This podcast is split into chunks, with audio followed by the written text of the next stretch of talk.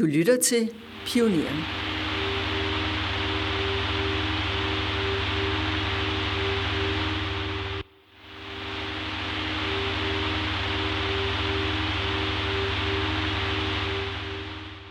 Hvordan får man borgerne med i den grønne omstilling?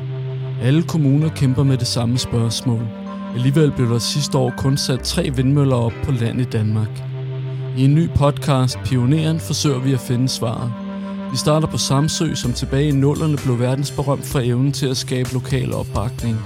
Hvad kan andre lokalsamfund lære af Samsø, og hvorfor vi ikke kommet videre? Herfra skal vi forbi aktivister, politikere og psykologer. Franske turister og fejlslagende solcelleparker. Forskere, kunstnere, copycats og kommunal byråkrati. Alt sammen i jagten på den grønne formel, jagten på borgernes gunst. Mit navn er Claus Ulrik Mortensen. Du lytter til Pioneren. Velkommen til. Hej, Alice. Velkommen.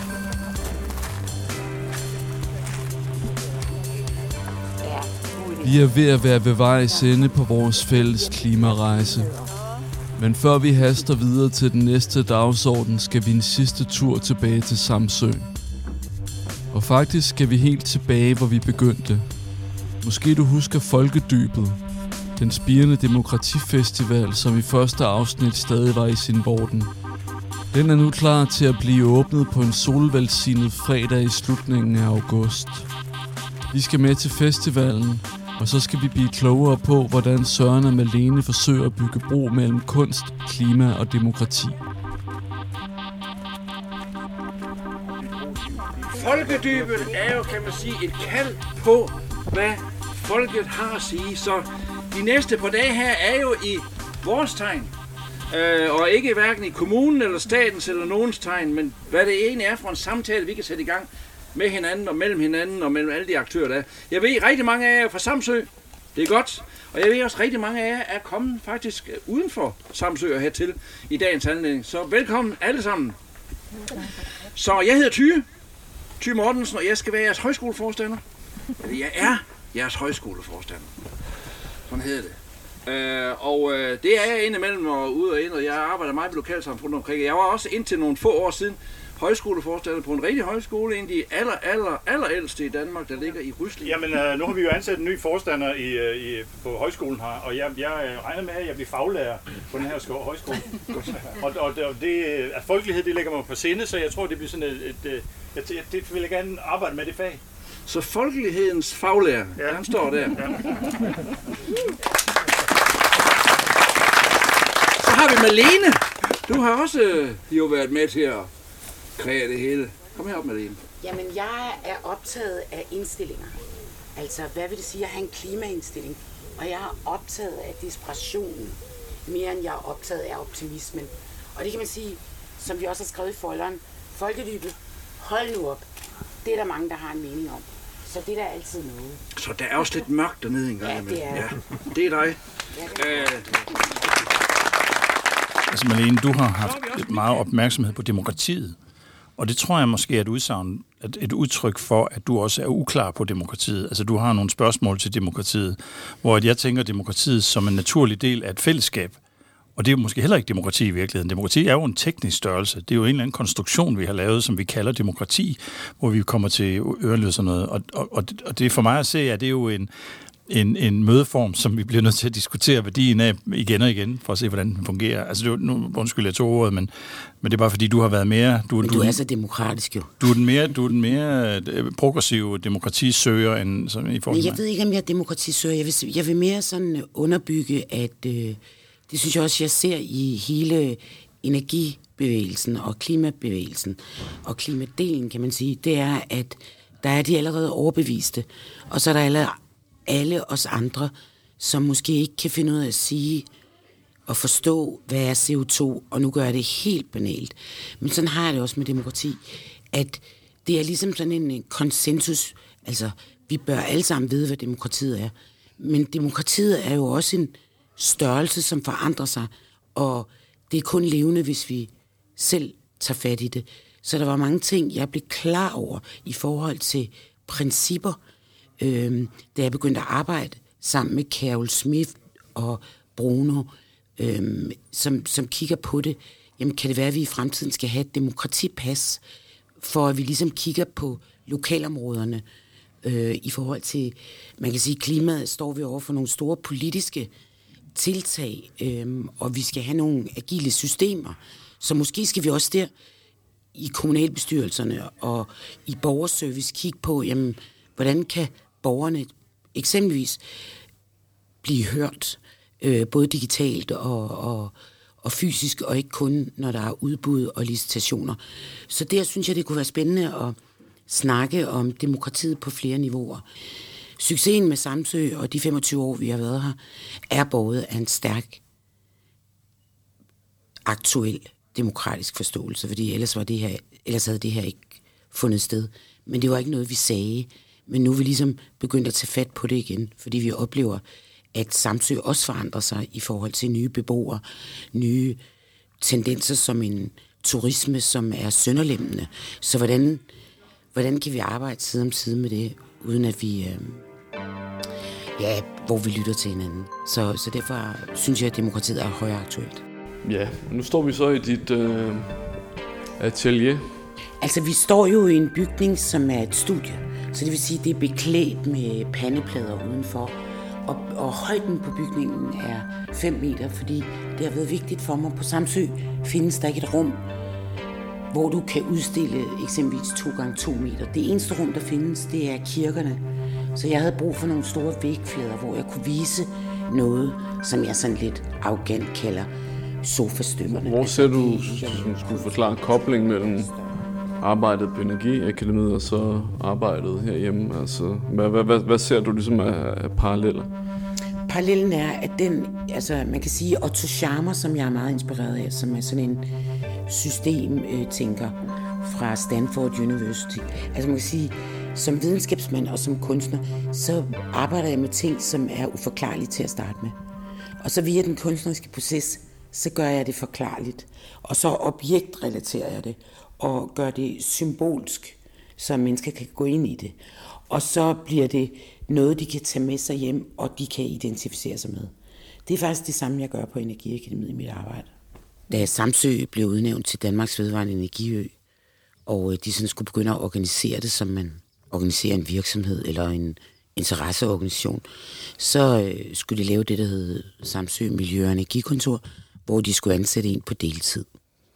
Og så sagde jeg til Søren, Søren Hermansen, som er min partner in crime, at øh, det job skulle han da søge. Hvor han bare sådan, nej, men jeg er jo ikke ingeniør. Så siger han, det er ikke en ingeniør, der er brug for. Og der kommer min forskel ind i forhold til at oversætte. Altså jeg er simpelthen, det har jeg fundet ud af nu, jeg er i stand til at oversætte ting, som kan ske i fremtiden. Øh, I forhold til det konventionelle system. Fordi jeg sagde til ham, altså din familie, hvad hedder det, er meget velrespekteret på øen. Du har en god historie. Så når du stiller dig op i offentlige forsamlinger, så vil der blive lyttet til det, du siger. Fordi du har ikke slået mønt på alting. Og det her med at lave samsyn til Danmarks vedvarende energiø, handler jo ikke kun om dem, der slår mønt på det, men også om nogle af dem, som kan stå imellem, hvad kan man sige, det at tjene fællesskabet, men også kunne slå mønt på det. Så det kunne jeg se. Øhm, og så kunne man sige, så, så havde vi en husstandsmølle, en andelsmølle herude på marken, og, og det havde jo lært mig et eller andet, at øh, jeg kunne se Søren via hans grønne bevis. Var altså han havde sådan en praktisk, teknisk formåen. Han vidste lidt om alting. Han var også super god til at kommunikere, fordi jeg kan huske en af grundene til, at jeg forelskede mig hjem. Det var, at han altid sagde vi. Altså, så kan vi gøre det. Altså, når, når han snakkede i forsamlinger. Jamen, man skal bare gøre sådan. Vi er mænd. Og jeg var sådan kommunikativt, fordi det er jo det, jeg arbejder med nede på Energiakademiet. Så, fordi jeg er vokset op med en mor, der er finsk, som lærte at tale, finsk, altså lærte at tale dansk igennem finsk, så lytter jeg til sproget, til vores sprog, og det folk siger, på en helt anden måde end det gængse. Så efter 10 år, og det er meget langsom, så siger jeg til Søren, så blev jeg alligevel så klar over det der vi er mand. Så jeg til ham, når du siger vi, hvad mener du så? Er jeg så en del af det vi? Du ved, så begyndte jeg at blive specifik på det. Og det kan man sige, det, det gør jeg også på Energiakademiet. Jeg, jeg stiller nogle meget krævende, kritiske spørgsmål til ting, som Samsø måske tager for givet. Øh, eller sådan, hvorfor skal vi nu diskutere det igen? Det er vi da enige om, at det hænger sådan sammen. Og sådan er jeg ikke. Altså CO2 for eksempel, til at starte med, der anede jeg ikke, hvad det var. Og der blev jeg ved med at spørge om det. Indtil jeg forstod det, fordi jeg tænkte, hvis jeg kan forstå det, så kan et barn også forstå det. Jeg har lavet en udstilling, som hedder Forgængelighed. Og hvorfor har jeg så lavet det? Jamen, det er stærkt inspireret af en af Danmarks største økokunstnere, der hedder John Olsen, hvis man kender sin øh, kunsthistorie. Og John Olsen, han lavede skabe med naturobjekter, han fandt ude i naturen. Så kan man sige, så er jeg optaget det med kabinetter. Fordi før der var kunstmuseer, Naturhistorisk Museum og Botanisk Have, der er særlige objekter blev afleveret til kongen, og han puttede det ned i kælderen i kabinetter. Men det var også den måde, vi kortlagde Danmarks hvad kan man sige, flora, Danmarks natur, det var, at vi faktisk alle sammen som folk var med til at kortlægge, hvad kan man sige, diversiteten. Det synes jeg er spændende.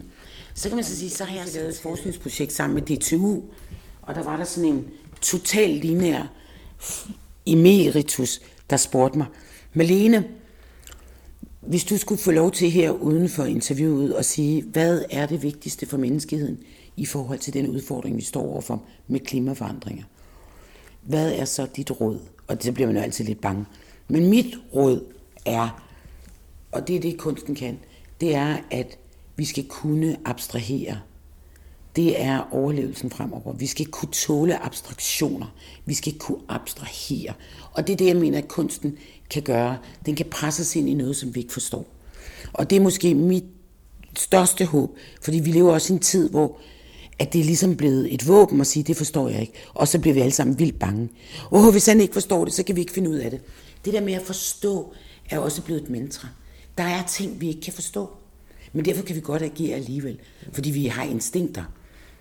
Og vi er gode mennesker på bunden. Altså, så vi, vi er drevet af det. Mm. Så, så på den måde mener jeg, at kunsten bliver en del af vejen til at redde, til at redde klimaet og forstå det. Hvad, hvad får det afgørende betydning for, for os, at der kun er én mælkebonde tilbage, en ko producerende bonde? Hvad med gødning i fremtiden? Altså, hvad er det for et samfund, vi ønsker og skal være i fremtiden i forhold til, hvor meget vi skal eksportere, i forhold til, hvad vi eller hvad vi, i forhold til, hvad vi eksporterer, i forhold til, hvad vi skal importere. Det, det kan jeg mærke, og det er sådan helt mærkeligt, at en kunstner sidder og er interesseret i, om hvorvidt der kun er en kobund tilbage. Men jeg tror, altså, at, at det vil få afgørende betydning, men jeg tror ikke, småbørnsfamilierne og folk tænker over, at køerne er forsvundet i landskabet. Altså, du ved, man er mere optaget af, hvad det er, man ikke vil have ind i landskabet. Eksempelvis, eksempelvis solceller i større andel. Så det der med, med landskabet, hvordan, hvad er det for et landskab, og, og, og hvad, hvad skal vi leve af i fremtiden, synes jeg er meget magtpåliggende. Du lytter til Pioneren, en fortælling om kommunernes jagt på borgernes grønne gunst. Lad os tage den.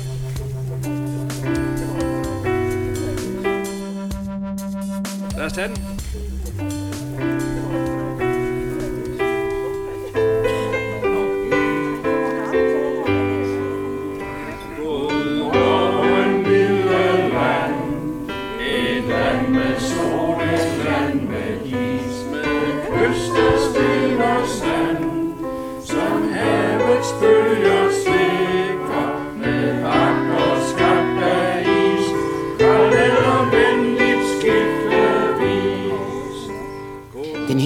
Kapacitetsopbygning, som Energiakademiet og Danmarks Vedvarende Energiø har affødt, ligger i øens DNA nu. Så jeg tror ikke på, altså de onde tunger kan godt tale om, at hvis der ikke var noget energiakademi, så ville det være et samlingssted for bryllupper øh, for, for øh, Samsø Kommune. Men det tror jeg bare er sådan, det er nederdrægtighed.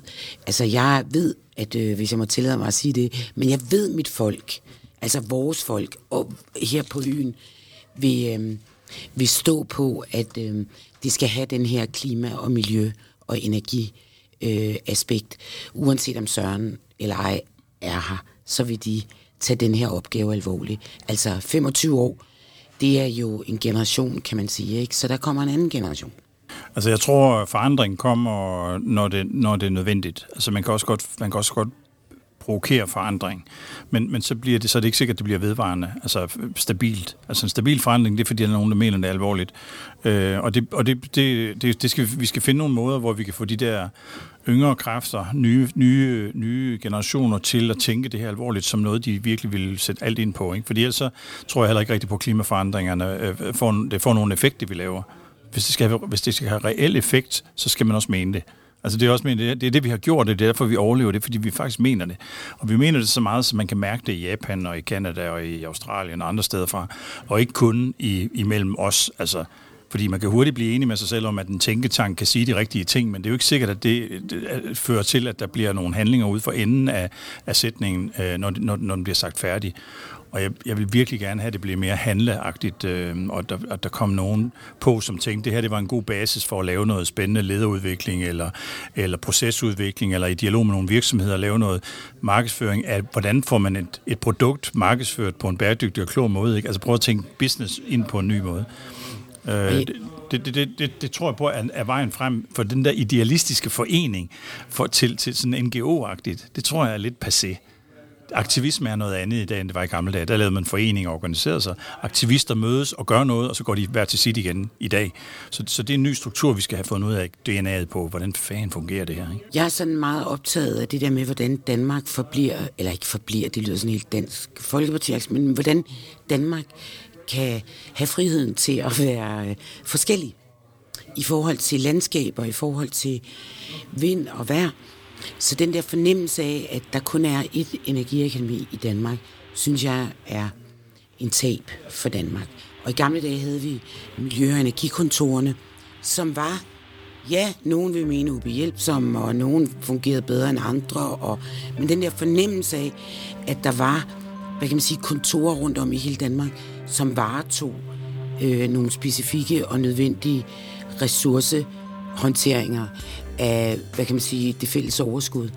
Det er min kæphest, og jeg ville ønske, at jeg sammen med nogle af fondene i Danmark kunne lave en ny bevægelse, hvor man kunne lave energiakademier, og det behøvede ikke engang at hedde det, men hvor man arbejder med lokale ressourcer og det fællesskab, der er i det, og ikke oplevelsesbaserede centre, altså som er sådan kulturkonsumerende, men der, hvor man faktisk i sit lokalmiljø arbejder med, hvad er det, vi har mest af her, og hvordan kan vi lave fremtidsplaner, som går ind og laver, hvad kan man sige, en bedre, et bedre lokalområde til vores øh, næste generationer. Det synes jeg kunne være skidt. Altså set ud fra sådan en helt, helt objektiv betragtning, så så har Samsø det fantastisk godt. Det, det er jo det værste af det. Det går, det går alt for godt. Der er alt for meget arbejde til håndværkerne. Der er ingen arbejdsløshed. Økonomien er stabil og god. Vi har en positiv tilflytning. Vi har fået befolkningen med mere end 100 på et år. Altså siden vi sidst talte. Ikke? Øh, så, så alt i alt, der er kommet en masse nye familier over, så går det faktisk knaldhammerende godt. Og det er jo positivt, det er godt. Men det betyder også, at opmærksomheden den er i alle mulige retninger, fordi folk har det godt, fordi der er nok at tage sig til. Ikke? Øh, og det er selvfølgelig en udfordring for os også her, at der ikke er den der brændende nødvendighed for at lave en forandring, øh, fordi den foregår, mens vi taler. Øh, så, så, så det er et spørgsmål om nu at, få, at, at komme med i dialogen om, om hvad, hvad, hvad Samsøs fremtid den består af. Barrieren eller det kritiske, det er, at vi har en stærkt forøget turisme øh, på Samsø, som vokser eksplosivt. Altså også kvæg corona, der har været meget søgning på danske destinationer. Og turismeøkonomien er, er lidt flygtig og, og noget utroværdig, fordi det er sådan en sæsonbetonet øh, økonomi, som ikke rigtig mener noget som helst andet, om det skal være mega fedt at være her, og man skal have en masse services, man sælger. Og den er ikke ikke, man, kan ikke, man kan bestemt ikke sige, at den er bæredygtig. Øh, men, men bortset fra det, så går det alt for godt. Du har lyttet til Pioneren, en fortælling om kommunernes jagt på den grønne gunst, og en undersøgelse af, hvordan man får borgerne med i den grønne omstilling. Podcasten er produceret af Vigan Måø og Samsø Energiakademi med økonomisk støtte fra KR Foundation. Tak fordi du lyttede med.